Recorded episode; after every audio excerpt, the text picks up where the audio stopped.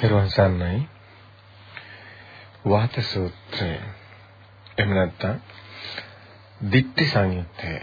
මහා දිට්ඨි සූත්‍රය. වාත සූත්‍රය කියලා. මහා දිට්ඨි සූත්‍රය මේ කොටසමයි තියෙන්නේ. අපි ඊටාම දීර්ඝ සූත්‍ර මේ සූත්‍ර දේශනා කෙනෙක් බැලිය යුතුමයි. යමෙක් මේ නිවන් මඟ නිවැරදිව වටහා ගත යුතු නම් සූත්‍ර පිටකයෙන් යමෙක් උත්සාහ කරයි නම් මේ නිවන් මඟ දැක ගන්න. අනේ කෙනා අනිවාර්යයෙන්ම ඒ සම්මා දිට්ඨියට ප්‍රවේශ විය යුතුයි. සම්මා දිට්ඨිය නැතුව නිවන් මඟක් නැහැ. එහෙමනම් මේ සම්මා දිට්ඨියට ප්‍රවේශ වෙන නම් සියලු මිත්‍යා දෘෂ්ටීන් මිදිය යුතුයි. අප විසින් දරාගෙන සිටින සියලු දෘෂ්ටීන් මිත්‍යා දෘෂ්ටීන්මයි. ඒ මහා සම්මා දිට්ඨිය නම් සියලු දෘෂ්ටීන් මිදුණු තැනමයි පවතින්නේ. නාම රූප අන්ත දෙක ඇතිතාක් අපි ඉන්නේ මිත්‍යා දිට්ඨියමයි. සිතුවිලි ඇතිතාක් ඒ සිතුවිලි වල තියෙන්නේ මිත්‍යා දිට්ඨියමයි. සිතුවිලි වලින් මිදුණු තැන නාම රූපයෙන් මිදුණු තැන මේ සිත මායාව බොරුවෙන් මිදුණු තැනයි සම්මා දිට්ඨිය පවතින්නේ. හැබැයි මේක අපි මෙහෙම කියලා තියෙනවා දැන් ගොඩක්. නමුත් කෙනෙකුට මේක ධර්මයේ තුලින් දකින්න ධර්මයේ තුල බුදුන් වහන්සේ දේශනා කරන සූත්‍රයකින් දකින්න කැමැත්තක් තියෙනවා. ඒ නිසායි අපි මේ ඔබගේ අවබෝධය සඳහායි මේ සූත්‍ර ගැන මේ විදිහට කතා කරන්න හිතුවේ. අපිට කතා කරන සූත්‍රය තමයි වාත සූත්‍රය. මේ ditthi සංයුත්තේ බුද්ධ ධ්‍යාන ත්‍රිපිටක 15 වෙනි පොතේ සංයුතනිකායේ තුන්වෙනි කොටසේ. පිටුවක කියනවා නම් 379 පිටුවකේ අපට හමු වෙනවා මේ මහා දිට්ඨි සංයුත්තය මේ මහා දිට්ඨි සංයුත්තේ තියෙනවා සූත්‍ර කීපයක්ම. මේ වාත සූත්‍රයේ බැලුවොත් මහණෙනි කුමක් ඇති කල්ලි කුමක් නිසා? කුමකට පිවිස මෙවද දෘෂ්ටියක් උපදීද? වාතය නොහමති. නදීහු ගලා නොබසිති ගැබිනියෝ ප්‍රසව නොකරති. සඳහිරු උදා නොවේති. නොද බැස ඇති. මේ හැම ඉන්ද්‍ර කීලසෙයින් සිටියහුදයි වහන්ස ධම්මෝ දැන් මේ මේක අපි ගලුවොත්. ඒ තේරුම අපි කියන්නේ. එතකොට සිංහල පරිවර්තනය. සූත්‍රයේ තියෙන විදිහට බැලුවොත්.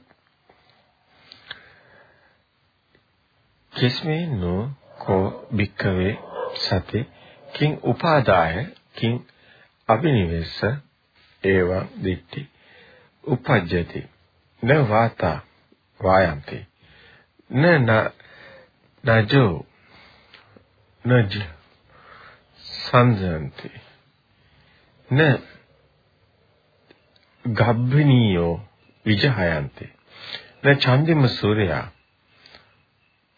උදහෙන්ති. වා අපේන්ති. වා. සිකට්ටායි ඉතිතානි සිටියාහුදයි ඒ කියන්නේ සිකට්ටා ඉත්තිය ඉත්තිතානි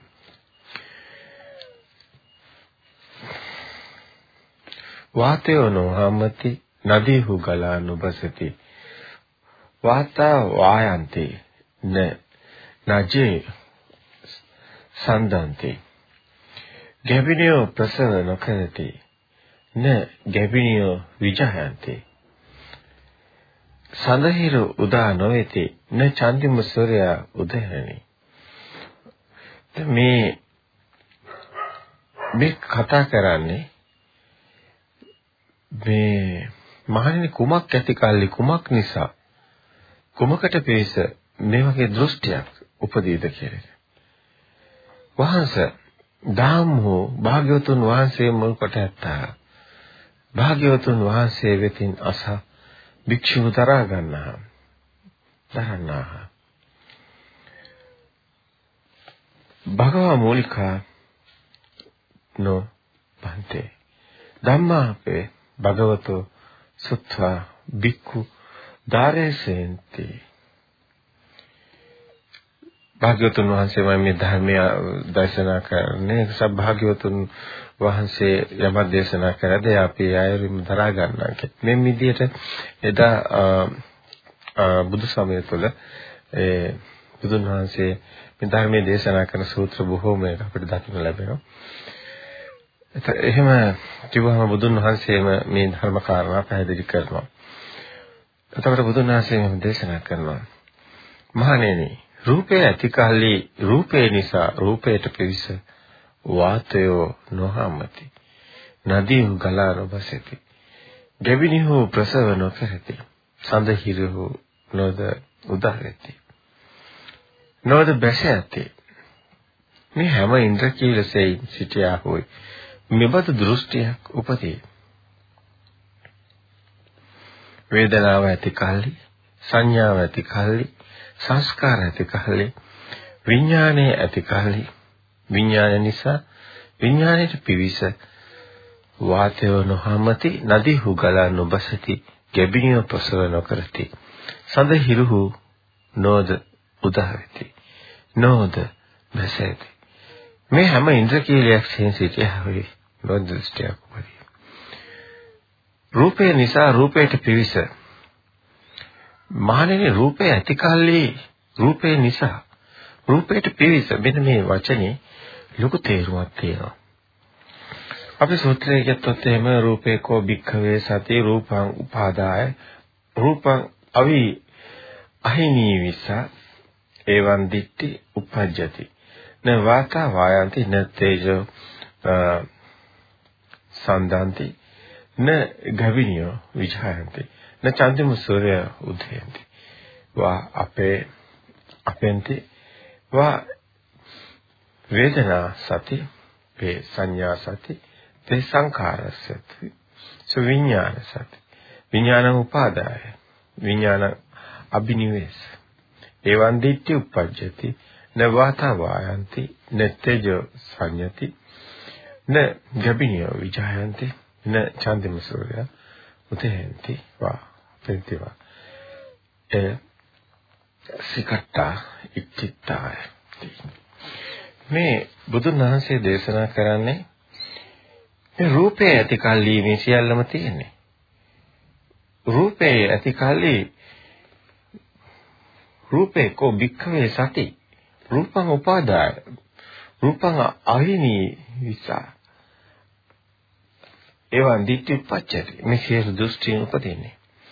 රූපේ තියෙනවා කියලා ගත්තාම රූපය ඇති කල්ලි රූපේට පිවිසි. කෙනාට මේ සියල්ලම පවතින්නේ. මහණෙනි ඒ කිම කංකියුද? රූපේ නিত্য හෝ වේද? අනිත්‍ය හෝ වේද? ඔනීගාට බුදුන් වහන්සේ දේශනා කරනවා. Thinking. මඤ්ඤත භික්ඛවේ. රූපං අනිච්චං වා අනිච්චාවාති රූපේ නিত্য හෝ වේද අනිත්‍ය හෝ වේද එවිට වික්ෂුන් වහන්සේලා උත්තර දෙනවා. වහන්සේ අනිත්‍යය අනිච්චම් බන්තේ. යමෙක් අනිත්‍ය නම් එය දුක්ඛෝ වේද සෝ වේද බුදුන්වහන්සේ ප්‍රශ්න කරනවා. යම් පනානිච්ඡං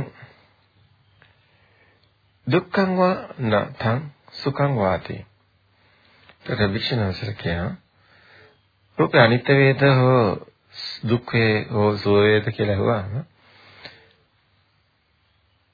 වහන්සේ දුක්ඛය අනිත්‍ය නම් යමක් දුකයි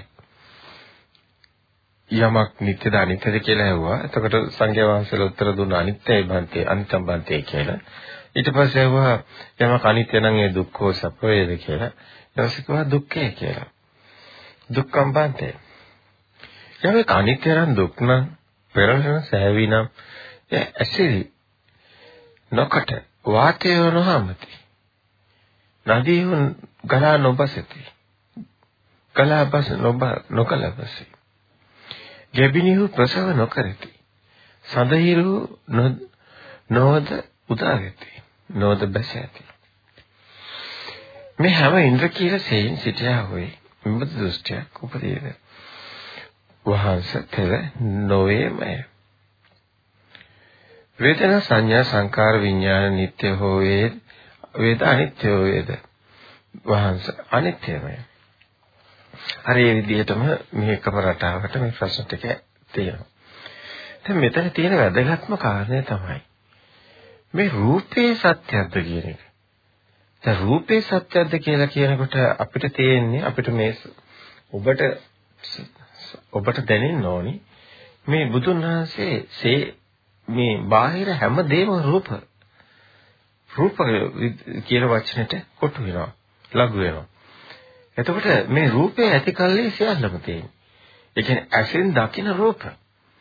හඳ හිරු ගහ ඇල දොල මේ කියන විදිහට මේ හැම දෙයක්ම රූපයක් තියෙනවා නම් තමයි ඒ හැම දෙයක්ම තියෙන්නේ රූපේ අනිත්‍ය නම් ඒ සියල්ලම අනිත්‍ය වෙනවා එතකොට රූපය ඇති කල්ලි සියල්ලම පවතින්නේ. එතකොට දැන් මේ මේක හොඳින් මේක මේක හරියට නිකන් මේක අර සමීකරණයක ස්වරූපයකින් යන ප්‍රශ්න මාලා ටිකක් මෙතන තියෙන්නේ.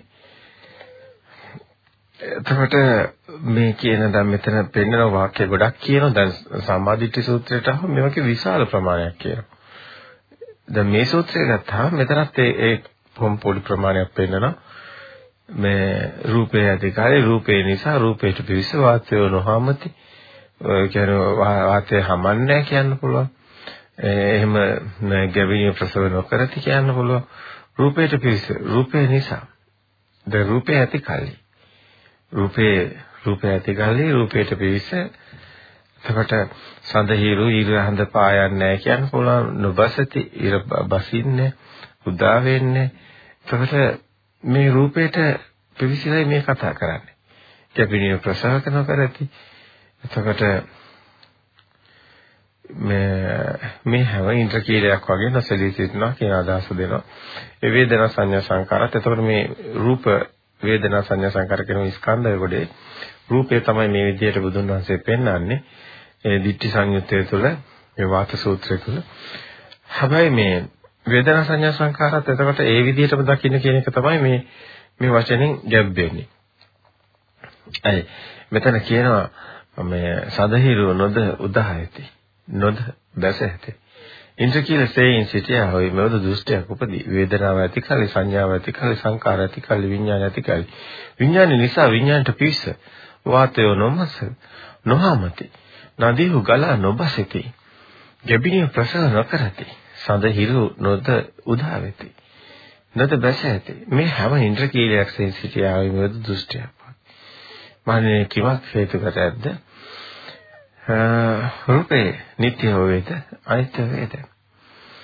රූපේ නිසා මේක තියෙන කියන්නේ රූපේ ඇති කලේ රූපයට පිවිස. ඒක නිසා ඊට පස්සේ අහනවා බුදුන් වහන්සේ රූපේ නිට්ටය වේද අනිත්‍ය වේද? ඒතර රූපේ අනිත්‍යම් බන්තේ. රූපේ අනිත්‍යයි. අනිත්‍ය නම් ඒක දුක්ද සැපද? දුක්ඛං වා තං සුඛං වා තස් කියන දුක්ඛං පන්ති අනිත් තරම් එක දුකට හේතුවයි රූපේ නিত্য අනිත්‍යද කියලා කොහොම කියන්නේ රූපේ අනිත්‍යයි කියලා එතකොට රූපේ නිසා තමයි මෙවැනි අදහස් උපදින්නේ ඒ කියන්නේ රූපයක් තිබ්බොත් තමයි ඔහුට තියෙන රූපයක් ඒ හිරු කියලා රූපයක් තියෙනවා සඳ කියලා රූපයක් තියෙනවා එහෙම රූපයක් තිබුණොත් තමයි ඒක උදා වෙන්නේ බහින්නේ මේ සේරම දේවල් දෘෂ්ටි කියලා පෙන්වන්න හදන්නේ. මේකේ අතුලාන්තයේ ගැඹෙලා තියෙන අර්ථය ඒකයි. මේ රූපේ තියනවා කියන එක. රූපේ තියනවා කියලා රූපේ තියනවා කියලා ගත්තාම තමයි මේ මෙහෙම හඳ ඉරු කියලා මෙහෙම දේවල් තියෙන්නේ. හැබැයි රූපය අනිත්‍යයි කියලා ගත්තාම මේ කිසිම දෙයක් නැහැ. මේ සඳ හිරු ඒ ඒ සේරම තියෙන්නේ රූපයත් වෙනකොටයි. ලෝකයක් තියෙනවා. හැබැයි රූපය අනිත්‍ය කියලා ගත්තාම රූපේ නිට්ටය අනිත්‍ය කියලා එක අනිත්‍යම් බන්තය කියලා කියන්නේ. ඒතකොට දුක් සෝවේද දුක්ඛය. ඇයි මේ දුක? රූපය අනිත්‍ය නිසා. ඒතකොට ඒතර මොකද වෙන්නේ? ඒක තමයි බුදුන් වහන්සේ මේ පෙන්නන්නේ. සුලං හමන හමනවා කියන එක, ගැබිනී ප්‍රසවන කරනවා කියන සඳේ උදා වෙනව නැති වෙනවා කියන එක. දැන් මේ හැම එකක්ම තියෙන රූපේ නිට්ටය වුණොත්. රූපේ තිබුණොත් එතන හුලන් තියෙනවා. ඒ රූපේ හුලක පේනවා. රූපේ තියෙනවා කියලා ගත්තා. තියෙනවා කියලා ගත්තම හැමදේම තියෙනවා. හැබැයි ඒක තියෙනවා කියලා ගත්තොත් හැමදේම තියෙනවා කියලා ගත්තට ඒක අනිත්‍යයි. අනිත්‍ය නම් ඊට ඒකෙන් සිද්ධ වෙන්නේ තියෙනවා කියලා ගත්ත නිසාම දුක එනවා. ඒ අනිත්‍ය නිසා. ඒ පවතින්නේ නැති නිසා. ඇත්තට මේ කතාවේ ගැඹුරු අර්ථයක් තියෙනවා. මේ සූත්‍රය තුළ මෙහෙම පෙන්වුවාට මේ කතාව තුළ මේ සේරම පවතින අපේ සිතේ. චිත්තේන නියති ලෝකේ. අපි මේක දකින්න ඕනේ මේ රූපේ තියෙනවා කියන දේත් අපේ සිතේමයි තියෙන්නේ. බාහිර මේම දේවල් තියෙනවා කියලා අපි හිතින් හිතේ තියෙන්නේ. ඇත්තටම අපි හිතින් හදාගෙනයි ලෝකෙ දකින්නේ. ඒක අපි චිත්තානුපස්සනාව වඩන කොටත් වෙනවා. ඒතර මේ සිතේ තමයි ලෝකෙම හටගන්නේ. හැබැයි බාහිර තියනවා කියලා ගන්න එකයි දෘෂ්ටිය. මේ සම්මාදිට්ඨි සූත්‍රයේ තුල මේ සම්මාදිට්ඨි කියන මාතෘකාව යටතේ තමයි මේ වාත සූත්‍රය තියෙන්නේ. මේකේ දිගටම තියෙන සූත්‍ර එකක් නෙමෙයි සූත්‍ර කීපයක්ම තියෙනවා. සෝ අත්තා සූත්‍රය, ඒ වගේම ඒතම් මම සූත්‍රය මේ මේ සූත්‍ර හරහා ගලාගෙන යන්නේ. මේ හැම සූත්‍රයකම මේ අර්ථය තමයි පෙන්වන්නේ. ඊටාම ගැඹුරු ගැඹුරු මේ කාරණාව. ගැඹුරු නිසාම අපිට එකක් මේක පැහැදිලි කරන්න හිතුවා. යමක් අනිත්‍ය නම් ඒ දුක්ඛෝ වේද සෝ වේද දුක්ඛය. යමක් අනිත්‍ය නම් දුක් නම් පෙරලෙන සුළු නම් ඒ නොයසුරු කොට වාතය නොවමති. ගංගාව නොකලා වසිති. කෙබිනිය ප්‍රසව නොකරති. සඳීරු නොද උදා වෙති. නොද පහව වෙති. ඉන්ද්‍ර කීරයක් මෙන් සිටියා හොයි. මෙබඳු දෘෂ්ටියක් උපදීද වහන්ස එනොයම තෙලනොයම මේ සූත්‍රයේ බුදුන් වහන්සේ පැහැදිලි කරන පාලි භාෂාවෙන් ඒ විදිහටම අපි කියනවා නම්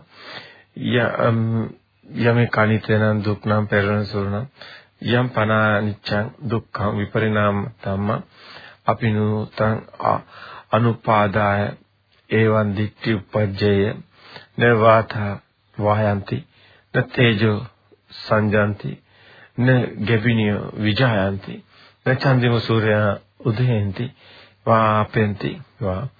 ඒ සික් ඒ සික්කා ඒ සිකටායිති තානි ඒ කියන්නේ අවසානට කියන්නේ මෙබඳු දෘෂ්ටියක් උපදීද? ඒ ඉන්ද්‍රකීලයක් මෙන් සිටියා වූයේ මෙබඳු දෘෂ්ටියක් උපදීද? සදහිර උදා වෙති නොද පහ වෙති ඉන්ද්‍ර කීලයක් මෙන් සිටියා මෙබඳු දෘෂ්ටියක් උපදීද වහන්සේ නෝයමයි. යමෙකුත් දක්නා ලද්දේ අසන ලද්දේ සුමුණා රස විඳිනා පහස්නා ලද්දේ දන්නා ලද්දේ පැමිණෙන ලද්දේ සොයන ලද්දේ සිතින් හැසිරෙන ලද්දේ වේන එයත් නිට්ටය වේද අනිත්‍ය වේද? අනිත්‍යම් බන්තේ යමෙක් අනිත්‍ය නම් ඒ දුක්ඛ වේද සෝ වේද? දුක්ඛම් බන්තේ. යමක් අනිත්‍ය නම් දුක් නම් වෙනස් වෙන සුළු නම් ඒ නොයසුරු කොට වාතය නොහමති ගංගාව ගලා නොබසිතී. ගැබිනිය ප්‍රසව නොකරති. සඳ හිරු නොද නො උදා වෙති. නද පහ වෙති. ඉන්ද්‍ර කීලයක් මෙන් නොසලී සිටියෝයි මෙබඳු දෘෂ්ටියක් උපදීද? වහන්ස එනොෙමයි නො හේතපන්තේ මහණෙනි යම් කලක ආර්ය ශ්‍රාවකයා ශ්‍රාවකහට මේ දිට්ඨ සුත මුත විඤ්ඤාත පත්ත පරේෂණ අනු විචරිත යන මේ සිතන්හි සැක ප්‍රහීන වූයේ වේනම් දුක්ඛ හේතු ඔහුට සැකේ ප්‍රහීන වූයේ වේ. දුක්ඛ සමුදයේදු ඔහුට සැකේ ප්‍රහීන වූයේ වේ දුක්ඛ නිරේධේදු ඔහුට සැකේ ප්‍රහීන වූයේ වේ දුක්ඛ නිරෝධගාමී ප්‍රතිපදාවෙහිදු ඔහුට සැකේ ප්‍රහීන වූයේ වේ මහණෙනි මේ ආර්ය ශ්‍රාවක අපායේ නොවැටෙන සුළු නියතෝ සම්බෝධිය පිහිට කොට ඇති සෝතාපන්නය කියනු ලැබේ. මෙන්න මේ අවසාන ඡේදයේ ඊටම වැදගත්කමක් තියෙනවා. හැබැයි මේ දිගටම පෙන්නන්නේ මේක ටිකක් සමීකරණ ස්වරූපයෙන් තියෙන සූත්‍රයක්. ඒක නිසා මේක ගලප ගන්න ඕනි. මේ රූපය ඇති කල්ලි වේදනා සංඥා සංකාර ඇති කල්ලි රූපය තිබුණොත් තමයි වේදනා සංඥා සංකාරත් පේන්න පුළුවන්කම තියෙන්නේ. අනේ නිසාම අපි එකක් උදාහරණයකට අරගෙන කතා කරන්නේ. නමුත් රූපය වගේම වේදනාවක්.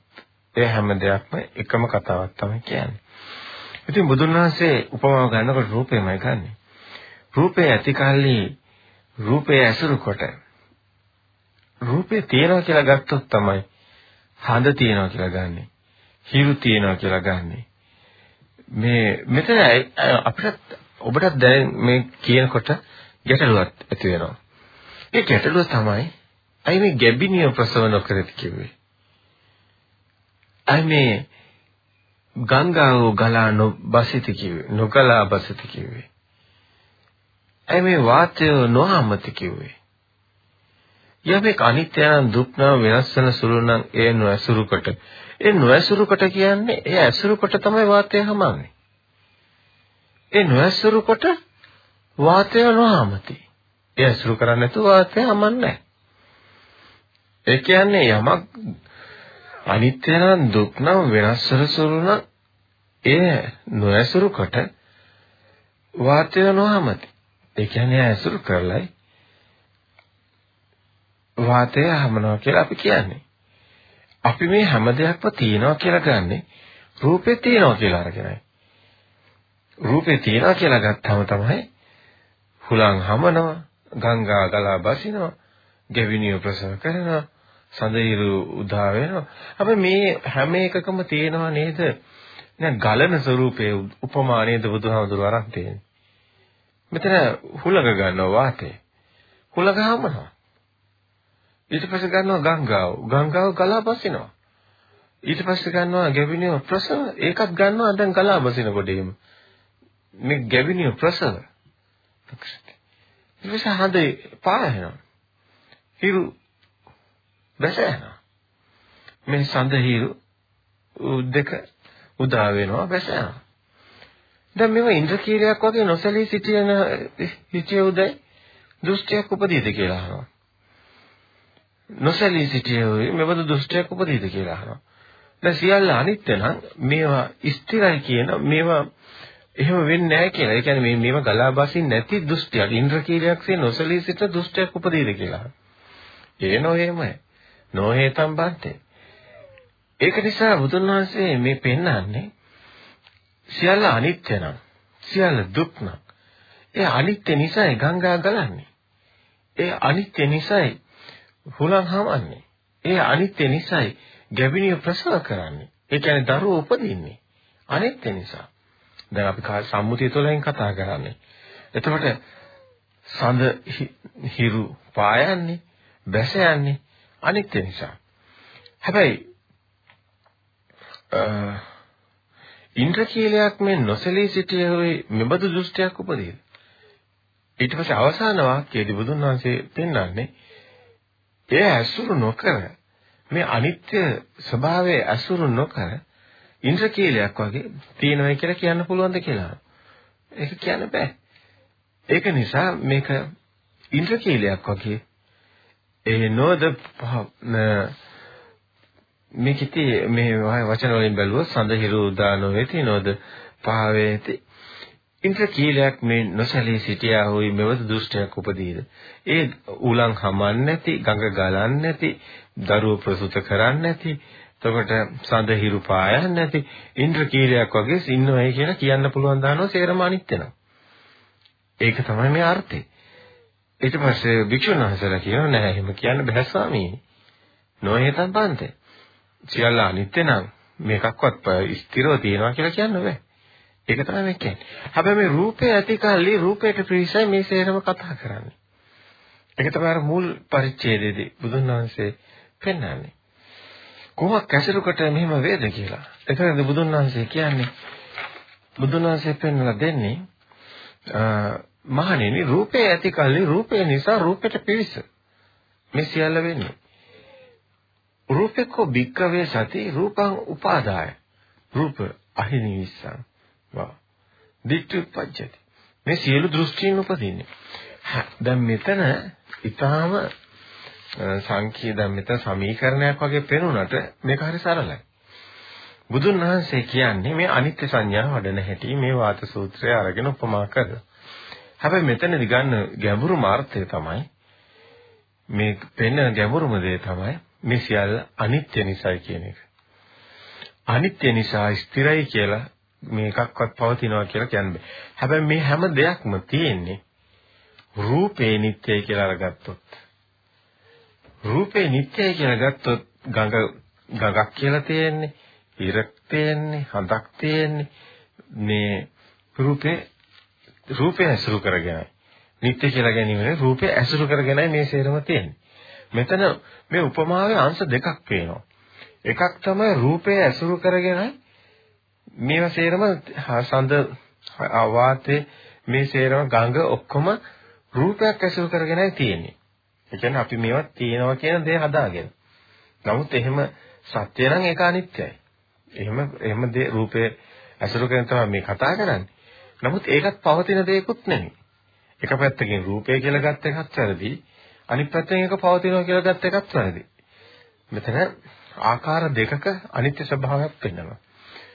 හැබැයි මෙතන මේ උපමාවල වැදගත්කමක් තියෙනවා. මේ ගැබිනිය ප්‍රසව කරන එක ගත්තේ මේ ඔක්කොම ගලන ඒවා. ඒතර සිත ගන්නෙත් එතනටයි. ඒකයි මෙහෙම උදාහරණ අරන් තියෙන්නේ. වාතය, ද හුළඟ, හුළඟ හමනවා. හුළඟ හමනවා කියන එක අපි දෘෂ්ටියක්. හුළඟ හමනවා අපිට අපි අපිට හුළඟ හමනවා කියන එක දැන් හුළඟ කියලා අල්ලන්න පුළුවන්ද? දැන් ගඟ ගලනවා කිව්වම ඒක අපිට අල්ලන්න පුළුවන්ද?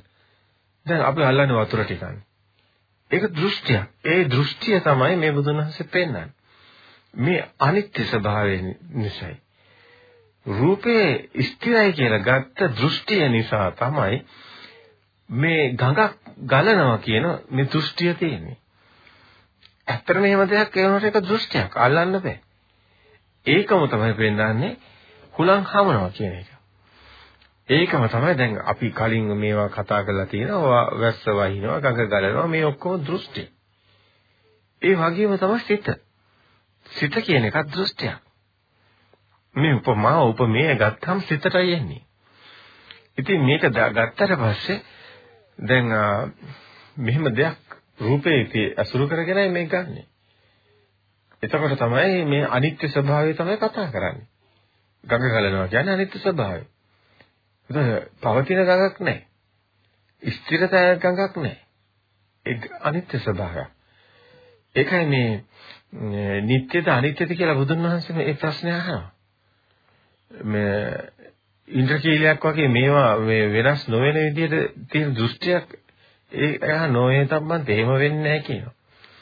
අනිත්‍ය නම් එය දුක්ඛ ඒ අනිත්‍ය නිසානේ දැන් මේක වෙන්නේ. එහෙනම් අනිත්‍ය නම් ඒක මේ දුකට හේතුවද අහනවා මේ දුකද්ද සැපද්ද කියලා. නේද යමක් අනිත්‍ය නම් ඒ දුක් හෝ වේද සෝ වේද. යම්ප යම්පන අනිච්චං යම්පන අනිච්චං දුක්ඛං වා තං සුඛං වාති. යමක් අනිත්‍ය නම් ඒ දුක්ද සෝද කියලා. ඊට පස්සේ කියන්නේ වහස දුක්ඛය දුක්ඛම් බන්තේ. අර අර ඊට කලින් යන ප්‍රශ්නෙත් මේක හොඳට පේනවා. දැන් මේ මිනිස්සයා ලෝක ප්‍රජාව දුකට වැටිලා තියෙන්නේ මේ අනිත්‍ය ස්වභාවය නිසාමයි. අනිත්‍ය දෙයක් නිට්ටය ලෙස ගැනීම නිසාමයි. දැන් මේක තමයි මේ පෙන්වන්න උත්සාහ කරන්නේ. මේ වාත සූත්‍රය හැබැයි ගන්නකොට ගොඩක් වෙලාවට මේ සිතේ ස්වභාවය වාතේ වගේමයි. හුලඟ වගේමයි. සිතේ ස්වභාවය සිතක් පවතින්නේ නැහැ. ඒකත් දෘෂ්ටියක්. ඒකත් දෘෂ්ටියක්. ඒ දෘෂ්ටිය පෙන්වන එක තමයි මෙතනදී බුදුන් වහන්සේ ගොඩක් ප්‍රකට කරලා තියෙන්නේ. මහණෙනි යම් කලෙක ආර්ය ශ්‍රාවකයාට මේ ditta සුතමත විඤ්ඤාත පත්ත පරේෂත අනු විචරිත යන මේ සතන්හි සැක ප්‍රහීන වූයේ වේනම් දුකෙහිද ඔහුට සැක ප්‍රහීන වූයේ වෙයි. මේ දුකේද ඔහුට සැකේ ප්‍රහීන වූයේ වෙයි කියන තැන දැන් දුකේ පරිඥය වෙනවා එතකොට දුක අවබෝධ කරන එක. එතකොට බුදුනාසේ පෙන්වන්නේ යම් කලක ආර්ය ශ්‍රාවකයාට දිත්ත සුතමුත විඤ්ඤාත කියන පත්තම් පරේෂණම් කියන සැක ප්‍රහීන වෙන්න වුණා නම් යතෝකෝ භික්කවේ අරිය ශාවකස්ස ඉමේසු ජසු ජසු ඨානේසු කංකා පහීනා හෝති දුක්ඛ තිස්ස කංකා පහීනා හෝති දුක්ඛ සමුදයෙහි තිස්ස කංකා පහීනා හෝති දුක්ඛ නිරෝධස්ස කංකා පහීනා හෝති දුක්ඛ නිරෝධ ගාමිනී ප්‍රතිපදාය සංඛා පහීනා හෝති අයං උච්චති වික්ඛවේ අරිය ශාවකෝ සෝතාපන්නෝ අවිනී ධම්මෝ නියතෝ සම්බෝධි පරායනෝ හොති. නියත සම්බෝධි පරායනේ එහෙම නැත්නම් මේ සෝතාපන්න ආර්ය ශ්‍රාවකයා තෙමේ අපායේ නොවැටෙන සුළුය නියතෝ සම්බෝධියට සෝතාපන්න පදයට පත් වෙනවා කියන එක කියන්නේ. මේ මේ සත්‍ය දකින්න කෙනා. දිට්ඨ සතමත විඤ්ඤාත මේ පත පරිශන සතහි සක ප්‍රහීන වූයේ දුකෙහි සක ප්‍රහීන වූයේ සමුදේ සක ප්‍රහීන වූයේ නිරෝධයේ සක ප්‍රහීන වූයේ දුක්ඛ නිරෝධ ගාමී ප්‍රතිපදාවේ සැකයක් ඔහුට නැත්තම් සියල සත්‍ය අවබෝධ නම් දුකක් සමුදයත් නිරෝධයත් ප්‍රතිපදා මාර්ගයත් සක ප්‍රහීන නම් අන්නේ කෙනා ආර්ය ශාවක අපායේ නොහැටෙන සුළු නිට්ටය වූ සම්බෝධයේ පිහිට කොට ඇති සෝතාපන්නයයි කියනු ලැබේ. එතකොට මේ වාත සූත්‍රය තුළ බුදුන් වහන්සේ පෙන්වන ඒ කාරණාව කියන්නේ ඒ ආර්ය ශ්‍රාවකයෙක් කියලා කියන්නේ මේ සිතින් මිදුණු කෙනෙක්. නාම රූප දෙකෙන් මිදුණු කෙනෙක්. අන්තවලින් මිදුණු කෙනෙක්. ඒ කියන්නේ රූපය අවබෝධ කරගත්ත කෙනෙක්. රූපේ පරජානාති. රූපේ සත්‍ය නෙමෙයි අසත්‍යයක් කියලා. රූපේ මායාවක් කියලා. ඒ සත්‍ය ඥානෙ දැනගත්ත කෙනාට රූපේ සත්‍ය වෙන්නේ නැහැ. රූපේ සත්‍ය වුණොත් ඒ කෙනා බාහිර ලෝකේ සත්‍ය වෙනවා. බාහිර ලෝකේ සත්‍යයක් නෙමෙයි. ඇත්තටම තියෙන අසත්‍යයක්, අනිත්‍යයක්. අනිත්‍ය ස්වභාවය මුළු ලෝකෙම පවතින්නේ. මෙන්න මේ කාරණේ තමයි මෙතන ඉස්මතු කරන්නේ. ඉතින් මෙතනදී අපිට මේ ඔබට එතකොට මේ මෙතනදී උපමාවට මේ ගැබිනිය ප්‍රසව නොකරති කියන කාරණාව ඊටාම ගැඹුරු කාරණයක්. මොකද හුළඟ හමනවා, ගඟ ගලනවා, හිරු හිරු පායනවා, සඳ බැස යනවා. දැන් මේ වගේ මේ කතා කරන්නේ දෘෂ්ටි. එතකොට මෙතන දෘෂ්ටියක් විදිහටම පෙන්නනවා ගැබිනිය ප්‍රසව නොකරති කියනකොට. ගැබිනිය ප්‍රසව කරන කියන කාරණානේ උලන් හමනවා වගේ දෙයක් විදිහට තමයි මේ වාත සූත්‍රය පෙන්වන්නේ යන්නේ. මේ වාත සූත්‍රයේ අපි දැක්ක තවත් තැනක තියෙනවා මේ වාතය නිසා උද්ධංගම වාතය නිසා ඇති වෙන පීඩන නිසා අර එළියට දරු ගැබ එන එන ස්වභාවය කෙනෙක් කරනවනේ මේ කියලා බුදුන් වහන්සේ පෙන්නනවා. ඒක තව ඉස්සරහට අපි ගමු මේ සූත්‍රය. එතකොට මෙහෙම පෙන්නකොටත් අපිට පේනවා මේ වාතයේ තියෙන ක්‍රියාවලියක් විදිහට තමයි ඒක පෙන්වන්නේ. මේ ගැබිනිය ප්‍රසව කරනවා කියන එක පෙන්වන්නේ. කියන්නේ දරුපතක් මව කුසක ගැබිනිය ප්‍රසව කරනවා කියන කාරණේ බුදුන් වහන්සේ මේ සියුම්ව විග්‍රහ කරනවා. මේ සූත්‍රේ වාත සූත්‍රය තුළ මේ වාතයේ පීඩනය අද මේක තව ඉස්සරහට අපි ගමු. මේ මේකත් ඒ වගේම සිද්ධියක් කියන එක පෙන්නනවා. හැම මේ සේරම රූපය අනිත්‍ය නම් රූපේ ස්ථිර කියලා ගන්න නැත්නම් මේ සේරම දැන් මේ දුකට හේතු වෙන්නේ මේ රූපේ ඇසුරු කරගෙන මේ මෙහෙම තියෙනවා කියලා ගන්න අදහසමයි. හා ගඟ ගලනවා, හුලං හමනවා. දැන් මේව අදහස්, මේව ඇවිල්ලා දෘෂ්ටි, සිතුවිලි. දැන් මේක මෙවන තියෙනවා වගේ අදහසක් තියෙනවා. නමුත් අනිත්‍ය ස්වභාවයයි මේ හැමතැනම තියෙන්නේ. අනිත්‍ය ස්වභාවය නිසායි මෙහෙම හැම දෙයක්ම ගග ගලනවා හුලං හමනවා එතකොට ඊර පායනවා මේ සඳ බැස යනවා එතකොට හැබැයි බුදුන් වහන්සේත් මේ කියන්නේ අපි නෙමෙයි අප ගැන ද්වේෂසිතකින් දකින්න එපා. මෙතනටම කියනවා ගැබිනිය ප්‍රසව කරගත්ත කියලා. ඒ කියන්නේ ගැබිනිය මාවකසෙන් ප්‍රසව කරන එකත් අරුහුලන් හමනවා වගේ සිද්ධියක් කියලා තමයි පෙන්වන්නේ යන්නේ. ඉතින් මේ වාත සූත්‍රයේ මේ කියන කාරණා ඒත් අතිශයින් ගැඹුරු. මොකද මනුස්ස දෘෂ්ටිය තුළ කිඳා බැසගත් දෙයක් තමයි මේ මම දරුවෙක් බිහි කළා කියලා දෘෂ්ටිය. අන්නේ දෘෂ්ටිය තුළ ඉන්නකොට ඒ කෙනාට දැනෙන්නම එළියේ තියෙන මේ දරුවෝ මගේ. මම තමයි බිහි කළේ. මම තමයි දැන් මේ කාරණේ හැබැයි ලෝකෝත්තර භූමියේ තමයි මේ කතාව හොඳට හොඳට පේනවා. හැබැයි ඉතින් මේ භූමිය හොඳට දැක ගන්න ඕනේ මේ ලෞකික ස්වභාවයත් ලෝකෝත්තර ස්වභාවය. හැබැයි මේ ආර්ය භූමියේදී ගන්නේ පරම සත්‍යය. පරම සත්‍ය නම් මේකත් උලංගමනවා වගේ වැඩක් කියන එක තමයි බුදුන් වහන්සේ පෙන්නන්නේ. අපි නෙමෙයි බුදුන් වහන්සේ තමයි මේ උදාහරණය අරගෙන තියෙන්නේ. දැන් මේවා හරියට විග්‍රහ කරගන්න එක ඔබගේ වගකීමක්. ඔබගේ එක ඔබගේ කටයුත්තක්. ඔබටමයි සාන්දිටික ඔබටමයි මේ ධර්ම අවබෝධ වෙන්නේ.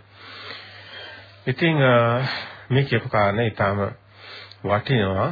මේ ඒක මේ ධර්මයේ තුල ඉන්න කෙනෙක්ට තේරෙනවා. මේ මේ කියන වචන ටික අපි මේ විදිහටම පොඩ්ඩක් අපි නැවත පාරක් බැලුවොත් යතෝකෝ භික්කවේ අරිය ශාවකස්ස ඉමේසු චසු ඨානේසු.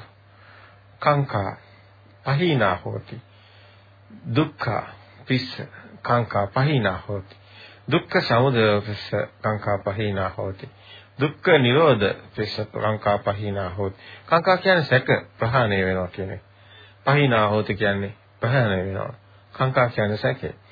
දුක්ඛ නිරෝධ ගාමිනී පටිපදා තිස්ස කාංකා පහිනා හොති. ඒ දුක්ඛ සමුදයත් නිරෝධයත් ප්‍රතිපදාවත් සැකේ දුර වෙලා යනවා. ඒ කියන්නේ නියමාකාරයෙන් දකින්නවා කියන එකයි යාර්ථ ගන්න වෙන්නේ. අයම් උච්චති භික්ඛවේ ආර්ය ශාවකෝ මේ ආර්ය ශාවකයා කියන එකත් ඊට පස්සේ පෙන්නනවා මේ මේ මේ සත්‍ය දකින්න කියලා. සෝතාපන්නේ අවිනීප ධම්මෝ නියතෝ සම්බෝධි පරායනෝ ඒ පෙන්වන්නේ සෝතපන්න අරසාවකයා අපායේ නොයටන සුළු කියන එක තමයි. සම්බෝධි පරායනයි කියන එක තමයි. එතකොට මේ ආර්ය ශාවකෝ සෝතාපන්නෝ අවිනී අවිනීපාත ධම්මෝ කියන්නේ නියත සම්බෝධි පරායනයි කියන එක ආත්පය වැටෙන්නේ කියන එකයි. අවිනීපාත ධම්මෝ කියන එකෙන් අර්ථ ගන්නන්නේ. නියත සම්බෝධි පරායන ඒ සෝතාපන්න පුජ්‍යල සම්බෝධියට පිහිට කොට ඇති සම්බෝධි පරායන කියන්නේ. ඉතින් මේ සූත්‍රයේ ඊටම වැදගත්. ඔබ අපි ඊගාවට පසු ඉදිරිපත් කරන්න ඒ සම්මා දිට්ඨි සූත්‍රය තුල බුදුන් වහන්සේ අර අපි සාමාන්‍යයෙන් අර කතා කරනවානේ මරුන් බඹුන් මිනිසුන් දෙවියන් සහිත ලෝකය කියලා අන්න ඒ කාරණාව බුදුන් වහන්සේ මේ වාත සූත්‍රයේ කියන මේ හුළඟ ගඟ වගේ ඒ කාරණාව උපමා කරනවා. එතකොට බාර වෙනේවා මිනිසුන්ගේ දෘෂ්ටි හැම එකම මේ සම්මාදිට්ඨි සූත්‍රය තුළ බිඳ දමනවා. හැබැයි මේ වාත සූත්‍රයේ සම්මාදිට්ඨි මාතෘකාව යටතේ මේ ත්‍රිපිටකය තුළ පෙළගස්සලා තියෙන්නේ දිට්ඨි සංයුත්තේ සෝතාපට්ටි වග්ගයේ වාත සූත්‍රය පෙළගස්සලා තියෙන්නේ ඉතින් මේක තමයි ආරම්භයේ තියෙන මේ සම්මාදිට්ඨි සූත්‍රය මේ දිට්ඨි සංසංගිතය තුළ ඒ තමයි මම සූත්‍රය කියලා මෙතන ඊට පස්සේ ඊගාව සූත්‍රය පැහැදිලි කරන්නේ. එතරම් පේනනේ මහණෙනි කුමක් ඇති කාලේ කුමක් ඇසුරු කොට කුමකට පිවිස මේ මාගේ මේ මම වෙමි මාගේ ආත්මයයි දෘෂ්ටියක් උපදීද. අතර මේ සූත්‍ර හැම එකම එකිනෙක සම්බන්ධයක් තියෙනවා. එතකොට මේ මම මගේ මගේ ආත්මය කියන දෘෂ්ටියක් කුමක් ඇති කාලේ තියෙනවද කියන එතනවත් බුදුන් වහන්සේ කියන්නේ රූපය ඇති කාලේ රූපය ඇසුරු කොට රූපයට පිවිස මම මගේ මගේ ආත්මය කියන දෘෂ්ටිය උපදී කියලා. ඒක මම ඒ තමයි මම කියන සූත්‍රය තුළ අරන් තියෙන්නේ. ඒක බොහෝ ප්‍රසිද්ධ වචනයක් තමයි. ඒ තමයි ඒතෝ හමස්මින ඒතෝ අස්සා කියන වචනේ. ඒ මම මගේ කියන එක අර්ථගෙන තියෙන්නේ දෘෂ්ටියක් නිසා කියන එකයි මේ සූත්‍රය තුළ එතකොට ඒ තමයි මම සූත්‍රය තුළ පෙන්නන්නේ. සෝ අත්තා සූත්‍රය කියලා ඊට පස්සේ ඊගාව සූත්‍රය ගන්නවා. ඒ මේ දිට්ඨි සූත්‍ර තුළම එතනදී ගන්නෙ කුමක් ඇති කල්ලි කුමක් නිසා කුමකට විරුද්ධ මේ දෘෂ්ටියක් පහළ වෙන්නේ. මම ආත්මයේමි මම ලෝකෙ වෙමි. මම පරලෝව වන්නෙමි. නිත්‍යයමි. සාස්වත වෙමි. නොපැලෙන ඒක තියනවා කියන සෝ අත්තා කියන අදහස අරගෙන තියෙනවා ඒ සූත්‍රය තුළ. එතකොට වහන්සේ ධාම්මිය භාග්‍යතුන් වහන්සේ මුල් කොට ඇත්තේ භාග්‍යයේ විදිහටම කියන රූපේ ඇති කලේ රූපේ නිසා රූපේට පිවිස මෙබඳු දෘෂ්ටියක් පහළ වෙයි. ඒකත් ඒ විදිහටමයි ගන්න. ඉතින් මේ කාරණා හිතාම වැදගත් කාරණා. මොකද මම කියන හැඟීම කොහොමද ඇති වුනේ කියන එක මේ සූත්‍ර මාලාව ඔස්සේ පැහැදිලි කරලා තියෙන්නේ. තෝච මේ සියා සූත්‍රය ඒ කුමක් ඇති කාලේ කුමක් ඇසුරු කොට නොවන්නේ මම නොවන්නේමි කියන අදහස අරන් තියෙනවා. නේතම් මම නේසෝමස්මි නමේසවත්තා කියන කාරණා ඒකත් ඒ විදිහටම තමයි විග්‍රහ කරන්නේ. ඊට පස්සේ නැති දින සූත්‍රය කියලා අරන් තියෙනවා. එතකොට නැති දින සූත්‍රය කියලා අරන් තියෙන්නේ මහණෙනි කුමක් ඇති කල්ලි කුමක් ඇසුරු කොට කුමකට පිවිස ඒකත් ඒ විදිහටම මේ දෙන රද්දේ විපාක විපාකයක්ද දා මේ පින්පව් කියලා දෙයක් තියනවද නැද්ද කියන කාරණේ මේ නැති දින සූත්‍රය තුළ විග්‍රහ කරයි. අපි ඇත්තටම ඊගා අවස්ථාවේදී මේ නැති දින සූත්‍රය ටිකක් දීර්ඝව පැහැදිලි කරනවා. එතනට එමු. අපි ඒත් එක්කම අපි ඒත් එක්කම එකතු කරලම ගමු. ඊගාව දේශනෙට මේ ඒ තමයි මේ සෝමස්මි කියන එකත් අත්ත සූත්‍රයත් ඒ වගේම මේ මේ සමාධිටි මාත්‍රකාව යටතේ එන ඒ තමම කියන සූත්‍රය මේ ටික අපි ඊගාවස්ථාවේදී පැහැදිලි කරමු. දික්ටි සංයුත්තේ තමයි මේ ටික සේරම තියෙන්නේ. මේ ටික එකට ගන්න ඕනේ. එකට එකට පැහැදිලි කර ගන්න ඕනේ ටිකක්. හැබැයි මේ අනිත්‍ය ස්වභාවය පෙන්න තමයි වාද සූත්‍රය මේ විදිහට අරගෙන තියෙන්නේ. එහෙනම් චිරවසන්නයි